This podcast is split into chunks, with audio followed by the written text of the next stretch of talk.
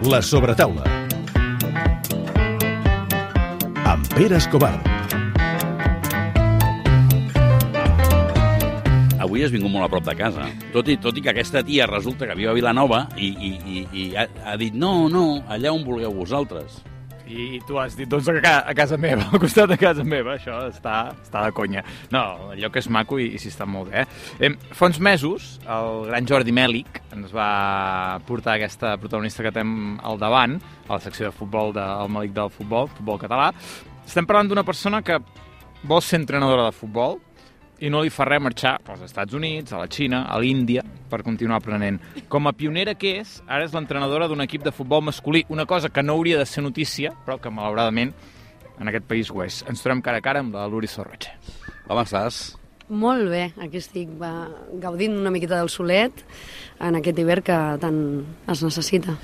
D'entrada, eh, la feina que he tingut per saber que té és Lourdes, perquè, però tothom et diu Luri. Per alguna cosa?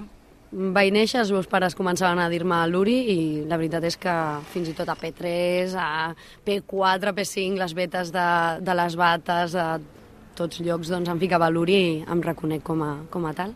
Filla de Vilanova, Sí, quin gran lloc Vilanova, haguéssim hagut d'anar a Vilanova, millor que això, però bueno, és igual, estem aquí. Escolta'm, ara estàs al Moja, aneu segons, diguem-ne que esteu molt, molt bé, el primer puja directament, el segon entra en una promoció, mm, estàs on, on suposo que volies estar. I tant, i tant. L'objectiu era, era doncs, seguir lluitant per l'objectiu a aquestes alçades i això s'ha aconseguit. Amb aquests resultats, perquè al final necessites resultats també, eh? amb aquests resultats tens convençuts els teus jugadors, que és una de les feines més complicades, sempre. Si ets un entrenador home, encara més suposo si ets dona. Bueno, al final, jo mai distingueixo entre sexes, sinó el, el tema del lideratge com a persona res, eh, vers a persones, no? Mm. que, que al final és com jo convenço amb els jugadors, amb, amb el coneixement i, i amb l'ímpetu en sortir amb, amb tota la seva ànima, com intenta fer qualsevol entrenador, i creure en aquells moviments preestablerts que al final donen opcions al jugador, al jugador en pilota i, i viure una miqueta també de l'estratègia, encara que no ens està donant l'èxit que realment esperem, però, però sé que acabarà sortint això. Tu vas ser preparadora física i segona entrenadora durant molts anys, sent molt jove. Sí, jo vaig començar amb 15 anys sent entrenadora. Jo portava un equipet de futbol sala. Sí, això m'ha impressionat. Sí. Amb 15 anys entrenadora de nens de 16. Sí, Eh, hòstia, això és molt complicat. va ser molt guai. Va ser molt guai perquè era un grupet de, de jugadors doncs, que a nivell actitudinal doncs, tenien mancances doncs, a l'escola i tal, i van fer un grupet per entrenar i me'l van oferir i, i va ser un any on jo vaig decidir el meu futur. Jo vaig dir, ostres, jo vull ser entrenadora i seré entrenadora. Sí, sí això ho, he, ho he llegit, ho tens molt clar. Mm. Llavors, el, a, aquest equipet doncs, jugàvem una lliga escolar i van guanyar la lliga. Clar, jo miro el temps enrere i dic, mare meva, quines coses deia i quines coses feia, no? Però, bueno, vas avançant i vas evolucionant, igual que, que el que dic avui, probablement demà pensaré que retrògrada era, no?, fa, fa un any. I, I sempre anem evolucionant, que és una cosa bonica. I a partir d'aquí, doncs, eh, vaig estar, com que no se m'oferia mai la possibilitat, als equips amateurs d'aquí de, la, de la comarca de, de Garraf, Penedès, no se o de, de, de la zona de Segur de Calafell i tal, no se m'oferia aquesta possibilitat de ser jo la primera entrenadora, doncs feia de segona entrenadora i de preparadora física, fins que vaig marxar a l'estranger. Passes per l'escola del Barça. Sí, vaig estar l'últim any abans de marxar. Eh, vaig estar fent el tema de tecnificació els divendres, vaig entrar dins del que és l'escola... Quin any, Eh, te'n recordes? Eh, 2014-2015. Va ser aquell any, perquè jo marxo el 2015 a la Xina. Abans te'n vas a Miami, A 2013, llavors. El 2013. Sí, 2013 marxo a Miami, 2014, diguéssim, entro a l'escola? sí, entro a l'escola, diguéssim, d'aquesta és a dir, Barcelona. primer vas passar per Miami i després vas venir aquí a Sí, Tecnificació. vaig fer una, una, una selecció, vaig passar un procés de selecció, com molta gent, Mm. eh, el 2013, que va ser quan vaig entrar, diguéssim, al Barça, vaig, vaig aconseguir doncs, aquest contracte que ens fa, que és molt bonic, que el guardes sí, eh, fins home, i tot amb, amb, amb la transparència aquella, no? ho tens allí ben plastificat, i, i va ser a partir d'allà on vaig començar a tenir aquestes opcions A internacionals. Tecnificació, quins nens duies? Te'n recordes quines edats? Sí, eren, jo diria que tenien eh, alevins, Alevins. 9-10 anys. 9-10 anys. Sí, Eh, D'aquí te'n vas a Miami, de Miami te'n vas a la Xina. sí. Eh, bé, és un porro, deixa'm-ho dir-t'ho així, no? perquè, perquè, perquè eres una nena encara. Bueno, és que encara Sí. ets molt jove, però, però te'n vas a la Xina. Sí, era molt O ets joveneta. molt valenta eh, o, o, o tens un punt d'inconscient, no, no sé. Això Bueno, aquesta tu. inconsciència també et porta a la bogeria i els bojos fem coses guais, també. Sí, no, no, no, no, això és indiscutible. Jo, jo estic molt per això. Però a- a- vist ara des de la perspectiva del temps, Sí. No ho penses? Que, hòstia, Sí. però què fots? Sobretot quan penses en situacions concretes que dius, què feia jo allà? Ah. Però, però bueno, ho havies, ho havies de viure, no? Que per Sí. això estaves allà en aquell moment, en aquella situació, i la vas viure com la vas viure. I la veritat que la situació a la Xina, doncs, doncs bueno, va fer créixer molt a nivell personal. Eh, mai havia sortit de la meva zona de confort, a part d'aquesta de Miami, no? que al final, bueno, estàs a zona Miami, que vulguis que no, hi ha gent que, que parla castellà i t'entens, Sí. i, i anglès, evidentment, però clar, a Xina no, no, ningú Ah, un anglès allà. civilitzat i amb una cultura, si més no, controlable. Exacte. La Xina eh, és un altre planeta. Exacte. Eh, són coses que dius, és que no, no és que ho facin diferent, és que ho fan contrari. Sí, I, sí. saps? I em quedava una miqueta bastant impactada, però bueno, al final t'acabes adaptant una miqueta i acabes veient si, si realment vols renovar o no vols renovar en aquell país, no? I no vols renovar. No. Perquè tu has parlat moltes vegades de- d'una paraula que no havia sentit, actitudinal, però aquí entès perfectament. Tinc la sensació que per la cultura xina això d'actitudinal els hi deu sonar a xino, però mai m'ho he dit. Saps el que vull dir? Sí. És, I, em i, vaig quedar... Això topa amb tot la teva manera de pensar Sí. i viure. Jo, el dia que em vaig quedar més sobtada és que ens va costar molt fotre un gol. Fotem un gol i no el celebren. I jo celebrant-lo, la banda. Clar, els nanos em queden mirant i dic, nens, però sabeu què costa fotre un gol? Enteneu per què s'ha de celebrar tant? I, i els nanos, val, llavors ho celebrem. Dic, sí, però no perquè jo t'ho digui, sinó ho has de sentir. Llavors, clar, ho havies d'explicar tot molt bé i Això, això va ser molt... Que al final van acabar celebrant el gol i al final és una, un dels èxits que m'emporto, no? que aquells nanos acabessin vivint per ells mateixos, que, que allò era l'èxit que realment perseguíem, no? fer gols i que no ens els fessin. lluitadora, amb molt de caràcter, això ho he vist, cauta, això no m'ho crec, perquè clar, de la Xina te'n vas a la Índia. Soc cauta, diguéssim, o aprenc a ser-ho, perquè quan era més jove, doncs no, no, més jove vull dir, si tiro massa enrere potser No, home, em, em torno als 3 anys, però, però dic, quan era molt més jove no era gens cauta. Deia tot el que em passava pel cap i, clar, això ho creuen amistats també i s'ha de, sí. clar, de tenir una miqueta de cura i, i això és el que he anat aprenent. Per tant, anar a països asiàtics, com en el cas de la Índia, on són tan polite, tan educats, tan cultura anglesa, on cuidado el com ho dius, ja no el que dius, sinó com ho dius, doncs eh, això m'ha fet aprendre doncs, que respiri 120 vegades en comptes de 10, no? per dir les cosetes una miqueta, dirigir-te als jugadors, que no se m'enfonsin a la misèria, segons el que diguis, perquè és una altra cultura, és un altre tarannà, que això també m'ha dut a que aquí, a, a la zona, aquí a Catalunya i tal, quan jo parlo amb els jugadors, ja no sóc igual que era abans. No vull, no vull dir que hagi perdut l'essència, No, sinó que, que... Exacte. He modificat perquè sé que, que el que pugui afectar el sentiment del meu jugador eh, pot ser molt grat o molt ingrat per, per l'equip, per tant, per nosaltres, per tots, no? I és algo que he après molt. Te'n vas a un país que, a més a més de tenir una cultura anglesa per tots els anys d'ocupació que van tenir, eh, té una cultura musulmana, més a la zona on tu vas, que és molt a prop del Pakistà, i ets una dona. És a dir, clar, aquí estem parlant... Estem sentats amb tu, que ja té... Perdona, eh, però ja té collons, perquè resulta que ets entrenador de futbol d'un equip de tios. Vull dir... Eh, clar, amb això en un país musulmà ja és el porro màxim. La veritat és que va ser un dels, dels detonants per ser notícia allà, Ah, on, on vaig poder fer també conferències que no tenien res a veure amb el futbol, sinó eren més de lideratge eh, cap a les dones militars, que una vegada em van trucar de, de la milícia i vaig dir, mare meva, jo què he de fer allà? No, és que les dones, clar, les militars, com que es casen i ja van, i són, diguéssim, dones de casa, que al final és una mentalitat que hi havia aquí als anys 60, Sí. o tampoc cal anar-hi tan lluny. no cal anar tan lluny. Clar, llavors, eh, ells el que volien era doncs, promocionar la dona molt més temps del que realment estaven fins que es casaven, que es casaven bastant joves. I llavors, clar, quan vaig anar allà a fer les conferències per a aquest tipus de, de, de lideratge de la dona i tal, clar, les dones em miraven i diu, clar, però és que jo en la meva cultura no ho puc fer. Dic, sí que ho pots fer. El que passa una altra cosa és que no ho hagis de fer per, perquè la teva família, perquè després socialment doncs, quedes una miqueta desterrat per la casta social, per mil coses d'aquestes, però tu poder ho pots fer. Una altra cosa és el que passi amb tu. Això és diferent, i això és un preu que tu has de voler pagar o no. I, i aquí jo no apreto ningú, no? Cadascú sap el seu i només faltaria, no? Però sí que és cert que hi havia dones que després em trucaven i em deien moltes gràcies perquè doncs, la teva xerrada doncs, m'ha fet obrir els ulls i poder parlar amb el meu home. I la visió una miqueta s'està obrint allà, perquè ells també volen marxar doncs, a, a, a Londres, volen marxar a països europeus també per, per poder tenir un altre tipus de mentalitat i els homes mateixos em deien, és que jo vull que la meva dona treballi, és que a mi m'agradaria doncs, poder compartir tal, però socialment els meus pares no ho entenen perquè allò, la, fa, la figura dels pares és molt eh, rellevant per ells fins i tot fins que els pares no estan. Per tant, la potestat i les decisions les pren el, el pare i la mare, més el pare, però... I qui va creure en tu?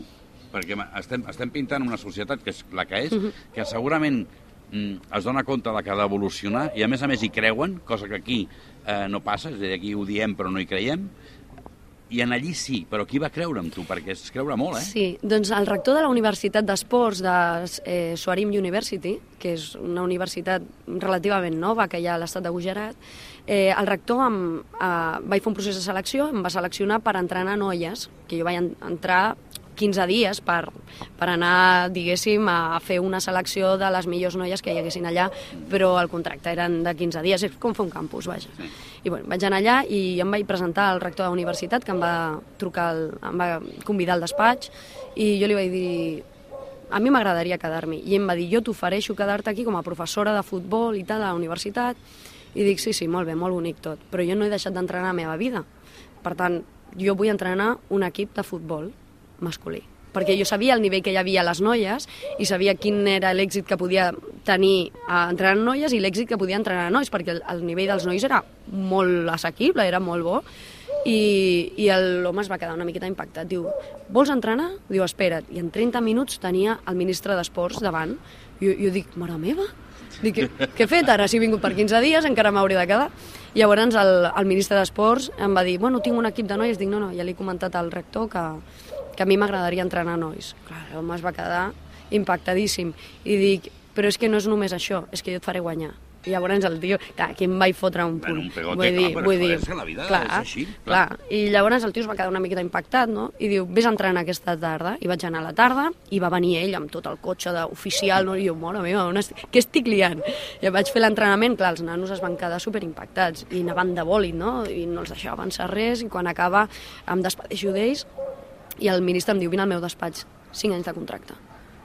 I vaig dir, bueno, bueno, espera, parlem-ne, parlem-ne. Llavors jo vaig dir que marxaria aquí a casa i una vegada ells tinguessin fet el contracte, que el visat me'l traguessin des de jo estant aquí, visat de treball, i sí, sí, com estava tot per línies de govern i, i era la seleccionadora de l'Estat de Gujarat masculina, doncs imagina't, no?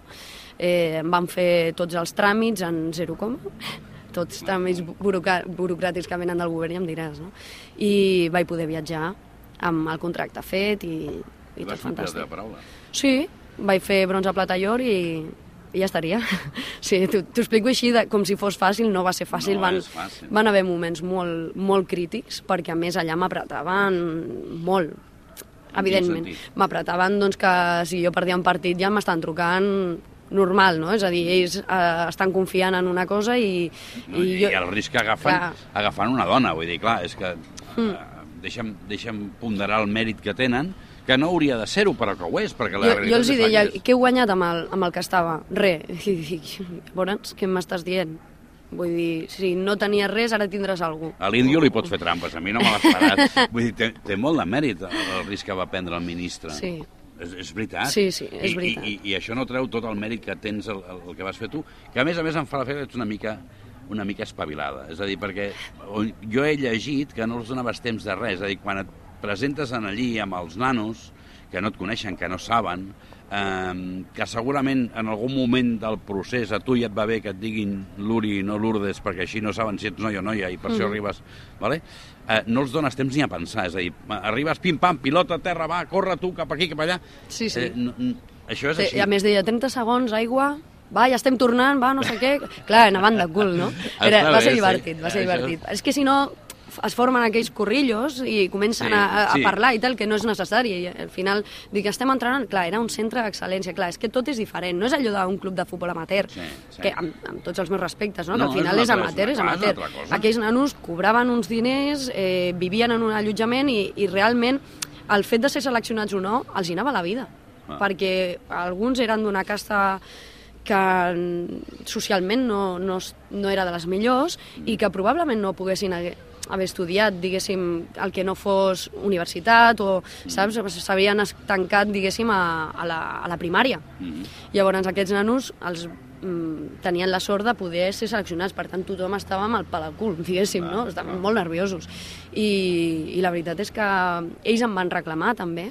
De fet, cada dia tinc missatges dels això- indis. això- cada, això això, és és molt el millor bonic. regal del això és món, molt eh? Bonic. saps, perquè, no? sí, jo les espa- valores, això, sí, perquè això moltíssim. és una passada, eh? Moltíssim. Llavors et queda aquesta enyo- enyorança quan estàs allà d'aquí i quan estàs aquí d'allà. I quan vas creant vincles, eh, vas creant vincles en totes parts. I tu tornaràs. I ho tornaré.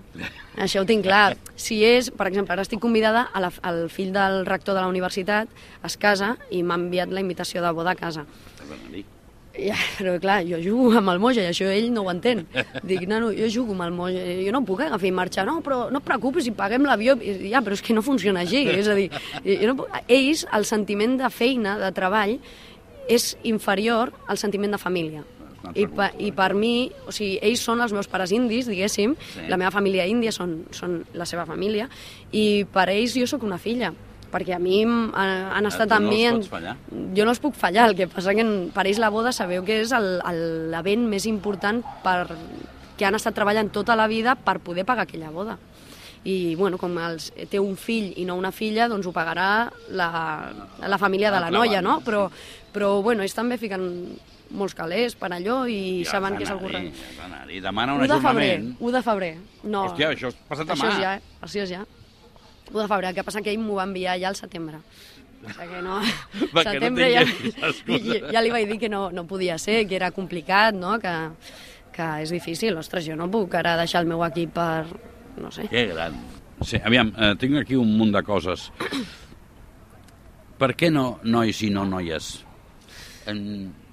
Té sentit, eh, crec que va ser el Tot Gira amb el Mèlic, que, que deies que era igual, no sé si ho deies tu, ho deia el Mèlic, eh? però que era igual eh, nois que noies, no és veritat. Eh, això no és veritat, no és el mateix. Eh, són persones, és evident. Eh, som iguals, és evident. Però hi ha un tema cultural, hi ha un tema de reaccions, hi ha un tema, eh, diria, fins i tot genètic, de comportament, d'objectius... Sí. Però et veig més còmode amb nois De moment sí. De moment, des de que vaig començar, que sempre he entrenat nois excepte un any, que, que va ser un bon any, que també vam, vam quedar bé Nadal amb un equip de, penso que era futbol 7, aquests alevins infantils que mm -hmm. barrejaven abans, que vaig portar en femení combinat amb un, eh, amb un altre equip de futbol masculí que portava aquell any. Eh, jo m'he sentit sempre molt còmode amb el, amb el masculí, no, no vull dir que no em senti còmode amb el femení. Sé el que, el que es viu en un vestuari femení perquè he jugat molts anys i, i sé el que es viu dirigint un equip de futbol masculí. I és diferent. El, Hi ha un reaccions- vestidor és diferent de l'altre. Hi ha reaccions que són diferents.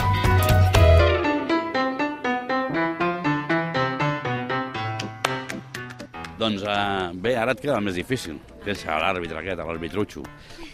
L'àrbitre que d'entrada farà un aclariment. Angela Jiménez, entrenadora de la Fundació Esportiva de Palamós B, és l'altra entrenadora del futbol català. Ara que acabem l'entrevista, fem dues coses. Primer, abriga't, perquè et veig pajarita absoluta, eh, se n'ha anat al sol, i segona, deixeu-me que vagi a destrossar l'altaveu del xiringuito que tenim al costat i està posant una música horrible que, eh, i a més altíssima que, que feia que gairebé estigués més pendent de la música que no pas de la, de la Luri. Ell, ell ha dit que, que formava els, mm, formaven el caràcter d'una persona, no? Aquí he apuntat una persona amb caràcter, una persona amb valors, una persona amb dignitat, una persona amb valentia i una persona molt, bon, molt bona comunicadora, almenys això és el que... Eh, perquè es facin una idea als oients, tens 30, oi, Luri? 30 anys. És que sembla que estiguem parlant, amb totes les experiències que sembla que estiguem parlant amb una persona de 50 anys, no?